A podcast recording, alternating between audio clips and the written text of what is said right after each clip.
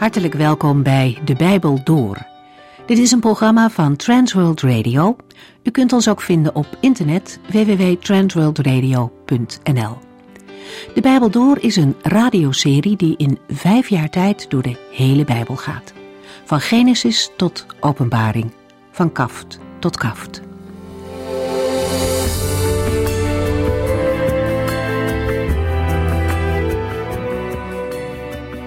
In onze vorige uitzending over de eerste verse van 2 Timotheus hoofdstuk 3 kwamen we onderwerpen tegen die ook heel herkenbaar zijn voor ons. Paulus schrijft hier aan zijn jonge medewerker over de laatste dagen en de kenmerken van die periode. Hoewel de laatste dagen meestal verwijzen naar de gebeurtenissen vlak voor de wederkomst van Christus, worden de woorden ook wel gebruikt voor de periode vanaf de Pinksterdag. De laatste dagen duren tot de wederkomst van Christus. En Paulus maakt duidelijk dat Timotheus in zijn tijd al met de omstandigheden van de eindtijd, de afval van het geloof, te maken heeft. Het zijn zware tijden voor christenen. En hoewel het lijkt alsof we in ons land geen vervolging hebben, herkennen we in de beschrijving van Paulus ook veel uit onze westerse wereld. Mensen houden alleen van zichzelf en van hun geld, zo begint de apostel. Mensen zijn hoogmoedig en trots. Ze maken God belachelijk maar ook de medemens. En dat uit zich bijvoorbeeld in ongehoorzaamheid richting ouders of ondankbaarheid. Mensen zijn meer liefhebbers van genot dan van God. En zo noemt de apostel een hele rij kenmerken van mensen uit de laatste dagen. Ze zijn wel religieus, maar wijzen de kern, de Heer Jezus, af. De zelfgenoegzaamheid van veel oppervlakkig christendom moet ons ook waarschuwen. Leven als christen in ons land brengt ons niet in de gevangenis. Maar op veel andere manieren wordt ook hier geprobeerd om het christelijk geloof buitenspel te zetten. Laten we niet toegeven aan de druk van de samenleving, maar leven zoals God van zijn kinderen vraagt. Laat zijn woord norm blijven in ons denken en in ons doen. Wij gaan verder in dat woord. 2 Timotheus hoofdstuk 3 vanaf vers 8.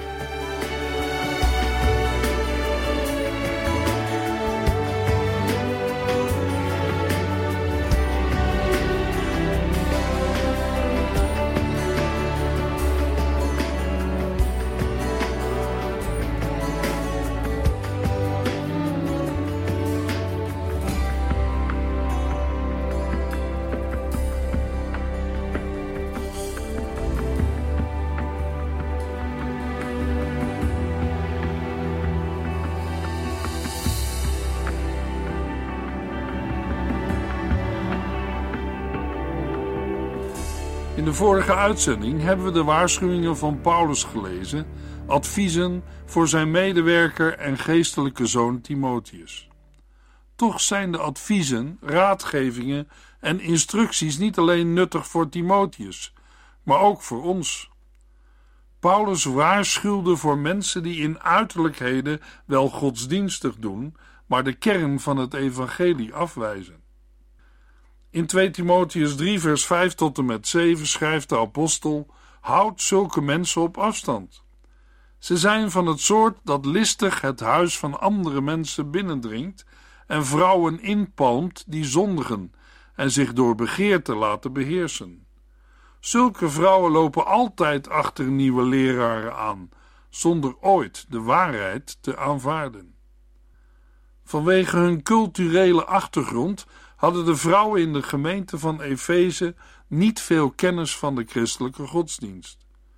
Ze genoten van hun nieuwe vrijheid en onderzochten gretig de waarheid van het christendom, maar konden daardoor ook een makkelijk doelwit zijn voor valse leraars. Paulus waarschuwde Timotheus op zijn hoede te zijn voor mannen die misbruik zouden maken van deze vrouwen. Jonggelovigen moeten groeien in hun kennis van het woord van God, omdat onwetendheid hen kwetsbaar maakt voor misleiding. 2 Timotheus 3 vers 8 en 9 En die leraren verzetten zich net zo hard tegen de waarheid als Jannes en Jambres, die zich tegen Mozes verzetten. Hun gedachten zijn onzuiver, verwrongen en verward, en ze hebben zich van het geloof afgewend. Maar zij kunnen daar niet altijd mee doorgaan. Op een dag zal een dwaasheid aan het licht komen, net als de zonde van Jannes en Jambres. Jannes en Jambres waren volgens de Joodse overlevering twee tovenaars die de wonderen van Mozes voor de farao nadeden. Mozes stelde hen aan de kaak en versloeg hen door de kracht en macht van de Heere. Zo zou de Heere ook de valse leraars verslaan, die de christengemeente van Efeze bedreigden. Het slot van vers 9 bepaalt ons erbij dat zonden altijd gevolgen hebben. Niemand zal daar ooit aan ontsnappen. Paulus schrijft: Op een dag zal hun dwaasheid, hun zonde, aan het licht komen, net als de zonde van Jannes en Jambres. Daarom roepen deze woorden ook ons op om heilig en zuiver te leven. Leef elke dag alsof eenmaal al je daden aan iedereen bekend zullen worden. Zijn er dingen die u, jij of ik dan zouden willen verbergen? Als het antwoord ja is, is het nu de tijd om daarvoor vergeving aan de Here te vragen en ermee te breken. 2 Timotheus 3 vers 10 Jij echter hebt precies mijn lessen opgevolgd, mijn manier van leven, het doel dat mij voor ogen stond, mijn geloof, mijn geduld, mijn liefde voor de mensen en mijn doorzettingsvermogen. Tegenover de beschrijving van de valse leraars uit de vorige versen legt Paulus nu de nadruk op jij en mijn. Hij stelt zichzelf aan Timotheus ten voorbeeld. Door de zendingsreizen met Paulus heeft Timotheus zich de leer en de manier van leven van Paulus eigen gemaakt. De vertrouwelijke band tussen beiden wordt duidelijk uit 1 Corinthians 4 en Filippenzen 2. In 1 Corinthians 4 vers 17 schrijft Paulus: Daarom heb ik ook Timotheus naar u toegestuurd. Hij is voor mij als een eigen kind, een trouw dienaar van de Here. Hij zal u eraan herinneren hoe ik voor Jezus Christus leef en welk onderwijs ik in elke gemeente geef. In Filippenzen 2 vers 19 tot en met 22 lezen we: Als de Heer Jezus het wil, zal ik binnenkort Timotheus naar u toesturen, zodat hij mij, als hij daarna bij mij terugkomt, kan bemoedigen door te vertellen hoe het met u gaat. Er is niemand die zo met mij meevoelt als Timotheus. Niemand wie u wel en wee zo ter harte gaat. Alle anderen schijnen alleen maar aan hun eigen zaken te denken en niet aan die van Jezus Christus. Maar u weet hoe waardevol Timotheus is. Hij heeft mij als een eigen zoon geholpen het goede nieuws bekend te maken. Timotheus kende Paulus heel goed. Paulus was een open boek voor hem. Zo zou ook het leven als christen moeten zijn voor hen die Christus niet kennen. Paulus schrijft aan de gelovigen in Korinthe in 2 Korintiërs 3 vers 3 Men kan zien dat u een brief van Christus bent, die door ons geschreven is. Niet een brief met pen en inkt geschreven of in steen gebeiteld, maar een brief die door de Heilige Geest in harten van mensen gegrift is. Zijn wij leesbare brieven van Christus? 2 Timotheus 3 vers 11 Je weet hoeveel moeilijkheden ik heb gehad bij de prediking van het goede nieuws. Jij weet wat mij allemaal is aangedaan toen ik Antiochië, Iconium en Lystra bezocht. Maar ik ben door alles heen gekomen en de Heere heeft mij steeds weer gered. Timotheus wist welk lijden Paulus heeft moeten doorstaan tijdens zijn zendingsreizen. In de vorige uitzending hebben we stilgestaan wat er allemaal gebeurd was in de steden Antiochië, Iconium en Lystra. Het meest aangrijpende, maar ook een groot wonder, zijn de gebeurtenissen in Lystra. In Lystra werd Paulus gestenigd en voor dood de stad uitgesleept. Het was een van de vele incidenten die Paulus op zijn zendingsreizen heeft meegemaakt. In 2 Korintiërs 11 somt de apostel op hoe hij in zijn leven geleden heeft voor het evangelie. Om als dienaar van Christus zich met de valse leraars te vergelijken en net als zij te roemen op prestaties, is in de ogen van Paulus absoluut dwaas. Maar hij kan in dit geval niet anders. Waarin Paulus de tegenstanders heeft overtroffen, illustreert hij met een aantal argumenten. 2 Korintiërs 11, vers 23 tot en met 33. Werken zij voor Christus? Ik ben natuurlijk niet wijs dat ik dit zeg, maar ik heb veel harder gewerkt dan zij. En zo kan ik wel doorgaan. Ik heb veel vaker in de gevangenis gezeten. Ik ben ettelijke keren afgeranseld. Ik heb meermalen oog in oog met de dood gestaan. Ik heb van de Joden vijf keer de beruchte 40 min 1 zweepslagen gehad. Ik ben drie keer met stokken geslagen en één keer met stenen bekogeld. Ik heb drie keer schipbreuk geleden. Ik heb eens een nacht en een dag in open zee rondgedobberd. Ik heb veel gereisd, waarbij ik vaak gevaar liep door overstromingen, rovers, aanvallen van mijn eigen volk en van anderen. Altijd dreigde er gevaar. Rellen in de steden, dood in de woestijn, verdrinking op zee, verraad door valse christenen. En dat is nog niet alles. Elke dag voelde ik de verantwoordelijkheid voor alle gemeenten. Wie is zwak, zonder dat ik met hem meevoel? Zou het mij koud laten als iemand ten val werd gebracht? Als ik mij ergens op moet beroemen, doe ik dat liever op de dingen waarin ik zwak ben. God, de Vader van onze Heer Jezus Christus, die voor altijd alle eer toekomt, weet dat ik de waarheid spreek. Toen ik in Damascus was, liet de stadhouder van koning Aretas de stad bewaken om mij gevangen te kunnen nemen. Maar mijn vrienden lieten mij in een mand door een gat in de stadsmuur zakken, zodat ik kon ontsnappen. 2 Timotheus 3 vers 12 Ja, het is nu eenmaal zo dat wie werkelijk één met Jezus Christus willen blijven, het zwaar te verduren krijgen van de mensen die hem haten. De gedachte dat vervolgingen onvermijdelijk zijn voor ware gelovigen vinden we ook in Handelingen 14 en 1 Thessalonicense 3. Daarbij maakt het niet uit of de vervolgingen van officiële zijde komen, zoals onder keizer Nero, of dat ze een meer incidenteel karakter dragen, zoals bijvoorbeeld in Handelingen 16.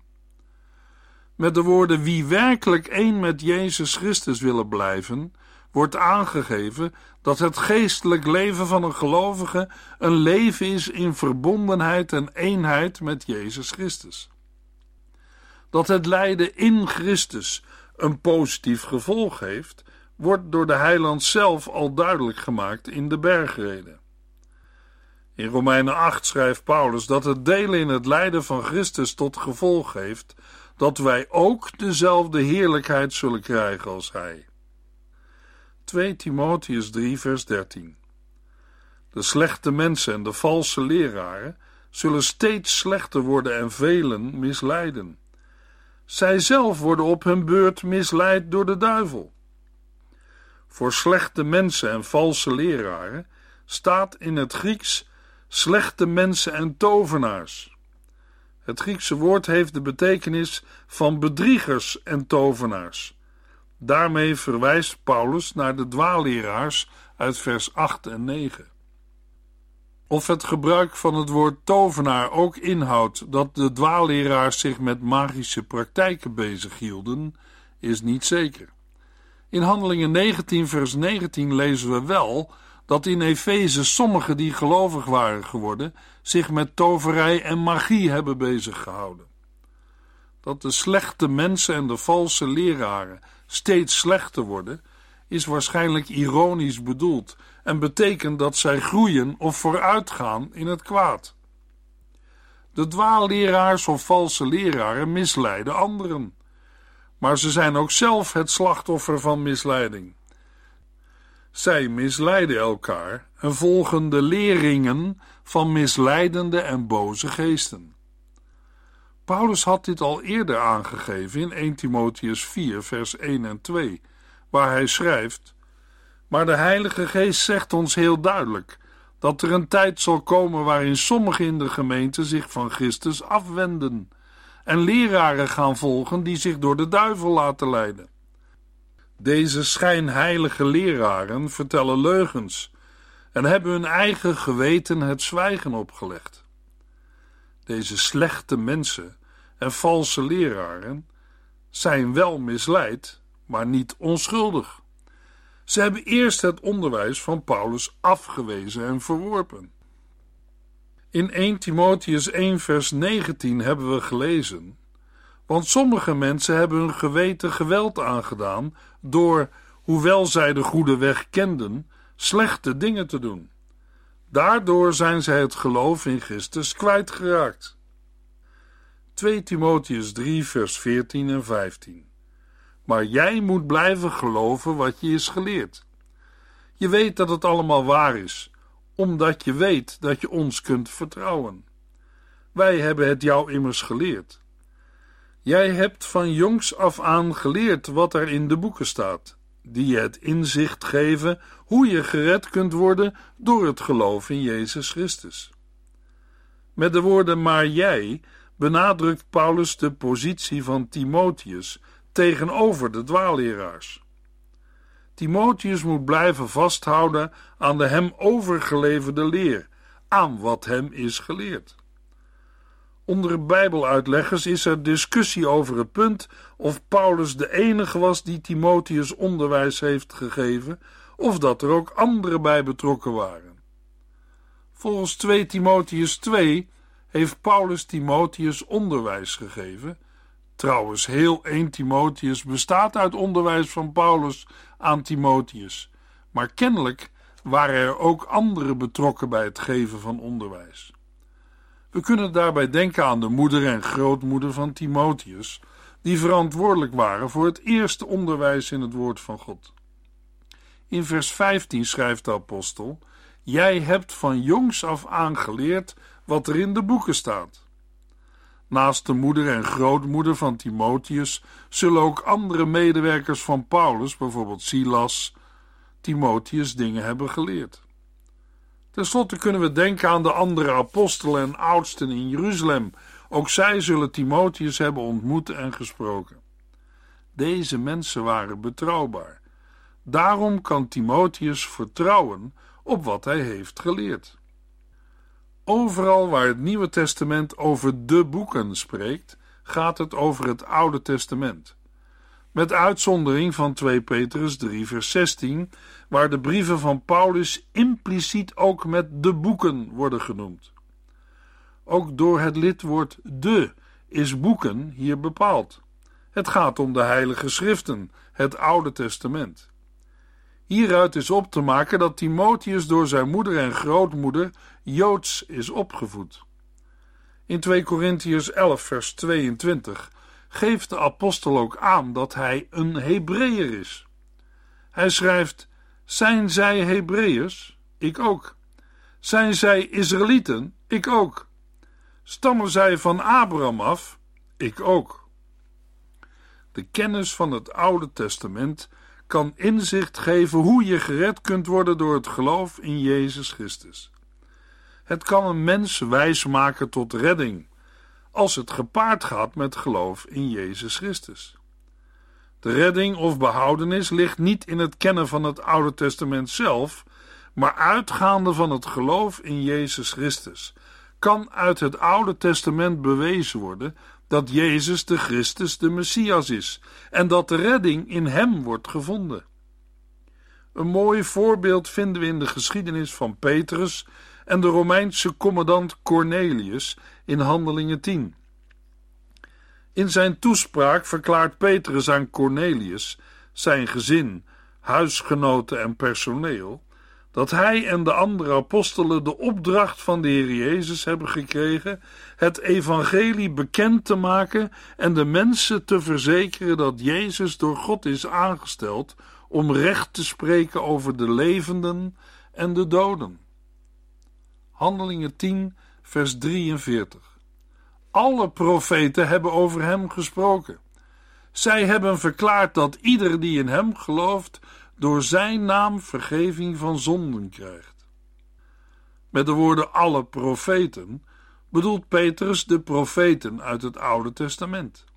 Vandaag geldt dat niet alleen het Oude Testament, maar ook het Nieuwe Testament, de hele Bijbel, inzicht geeft in hoe een mens gered kan worden door het geloof in Jezus Christus. 2 Timotheus 3, vers 16. Alles in de boeken is door God geïnspireerd en is nuttig om ons de waarheid te leren en ons te wijzen op wat er aan ons leven en geloof nog mankeert. Het zet ons leven op orde en helpt ons in te zien wat juist en goed is. De eerste woorden van dit vers geven onder Bijbeluitleggers stof tot discussie. Voor de woorden alles in de boeken staat in de Griekse tekst ieder geschrift. Een en ander betekent dat door het ontbreken van het lidwoord na ieder of alle we zullen moeten vertalen met ieder geschrift en niet met geheel de schrift. Met ieder geschrift worden natuurlijk de boeken van het Oude Testament bedoeld. We kunnen het begin van vers 16 op twee manieren vertalen. Elk van God ingegeven schriftwoord is ook nuttig, of alle schrift is door God ingegeven en nuttig. De eerste mogelijkheid is voor sommige aanleiding geweest te denken dat er ook niet geïnspireerde schriftwoorden in het Oude Testament zouden staan. In de eerste plaats moet duidelijk zijn dat Paulus, naar de opvatting van de partij van de Fariseërs, alle schriften van het Oude Testament als door God geïnspireerd heeft gezien. Paulus citeert regelmatig uit het hele Oude Testament, zowel de Torah als de profeten en de geschriften. De bedoeling van de Griekse tekst is dat Timotheus, maar dat geldt ook voor andere verkondigers, de teksten uit het Oude Testament gebruikt voor het onderwijzen, het weerleggen, verbeteren en de vorming van medegelovigen. Deze vorming en opvoeding wordt hier nog nader bepaald met de woorden: Het zet ons leven op orde en helpt ons in te zien wat juist en goed is, waarmee ook ongetwijfeld goede daden worden bedoeld. Bij het weerleggen gaat het om het bestrijden en overtuigen van dwaalleer, zonde en valse of onjuiste voorstellingen. Bij verbeteren gaat het om weer oprichten, om herstellen en weer stevig op je geestelijke benen staan. 2 Timotheus 3 vers 17 Zo maakt God ons klaar, opdat Hij ons voor elk goed werk kan gebruiken. Voor het woordje ons staat in de Griekse tekst de mens Gods. Daarmee geeft Paulus diegenen aan die zich werkelijk in Gods dienst willen stellen. Het gebruik van deze uitdrukking houdt in dat van iedere gelovige mag worden verwacht dat hij of zij een man of vrouw Gods is. Het woordje opdat geeft het doel aan waartoe de Heere gelovigen toerust en klaarmaakt, opdat hij ons voor elk goed werk kan gebruiken. Het klaarmaken slaat dan op een periode waarin gelovigen worden toegerust en voorbereid voor een taak of bediening. In vers 17 aangeduid met de woorden: opdat hij ons voor elk goed werk kan gebruiken. Paulus bedoelt niet dat zo iemand in alle opzichten volmaakt is, maar wel dat hij gericht is op het doen van goede werken. Goede werken zijn, zoals we al eerder zagen, een uiting van een goed geestelijk leven. In Titus 3, vers 1 en 2 schrijft Paulus aan zijn medewerker Titus: Herinner de gelovigen eraan dat zij de overheid en het gezag moeten gehoorzamen. Zij moeten bereid zijn om altijd het goede te doen. Ze mogen van niemand kwaad spreken en geen ruzie zoeken, maar moeten voor iedereen vriendelijk en zachtmoedig zijn. De hele Bijbel is Gods geïnspireerde en betrouwbare woord. Daarom moeten wij Gods woord ook lezen en in ons leven in praktijk brengen. De Bijbel is de maatstaf voor alles wat zich als waarheid aandient, onze waarborg tegen verkeerde leerstellingen en richtlijn voor het leven van een gelovige. Alleen de Bijbel vertelt hoe we gered kunnen worden. De Heere wil zijn kinderen laten zien wat waarheid is en hen toerusten en klaarmaken om voor hem te leven. Een vraag om over na te denken is: hoeveel tijd brengt u, jij en ik door met Gods woord? Laten we elkaar aanmoedigen om Gods woord regelmatig te lezen en te overdenken. Om Gods waarheid te ontdekken en te groeien in geloof en vertrouwen. Daarnaast moeten gelovigen in hun inzet en enthousiasme voor de waarheid van het evangelie nooit het doel van het evangelie vergeten. De blijde boodschap van de Heer en dat wat Christus voor ons heeft gedaan, is er in de eerste plaats om het tussen God en ons mensen in orde te maken, onze zonden te verzoenen en vrede met God te geven. In de tweede plaats wil Gods woord gelovigen toerusten om goed te doen aan andere mensen, tot eer van God en uitbreiding van zijn koninkrijk. Het bestuderen van het woord van God is niet bedoeld om alleen kennis te verwerven en dan discussies te kunnen winnen. Een gelovige bestudeert de Bijbel zelfs niet zozeer om te leren hoe we kunnen worden gered. Christus is onze redder en als we Hem aanvaarden, heeft Hij ons gered. En daarbij, de meeste mensen beginnen de Bijbel pas intensief te bestuderen nadat ze tot geloof zijn gekomen. Een gelovige bestudeert de Bijbel om de Here beter te leren kennen en te eren, en hoe we Gods werk in de wereld en in Zijn gemeente mogen doen. Onze kennis van Gods woord is nutteloos, tenzij we die gebruiken om ons in te zetten voor elk goed werk dat de Heere zijn kinderen geeft. Heer, wat een voorrecht om in liefde te gaan, schouder aan schouder in uw wijngaard te staan, samen te dienen, te zien wie u bent, want uw woord maakt uw wegen bekend. Samen op weg gaan, dat is ons gebed, als een volk dat juist daarvoor door u apart is gezet.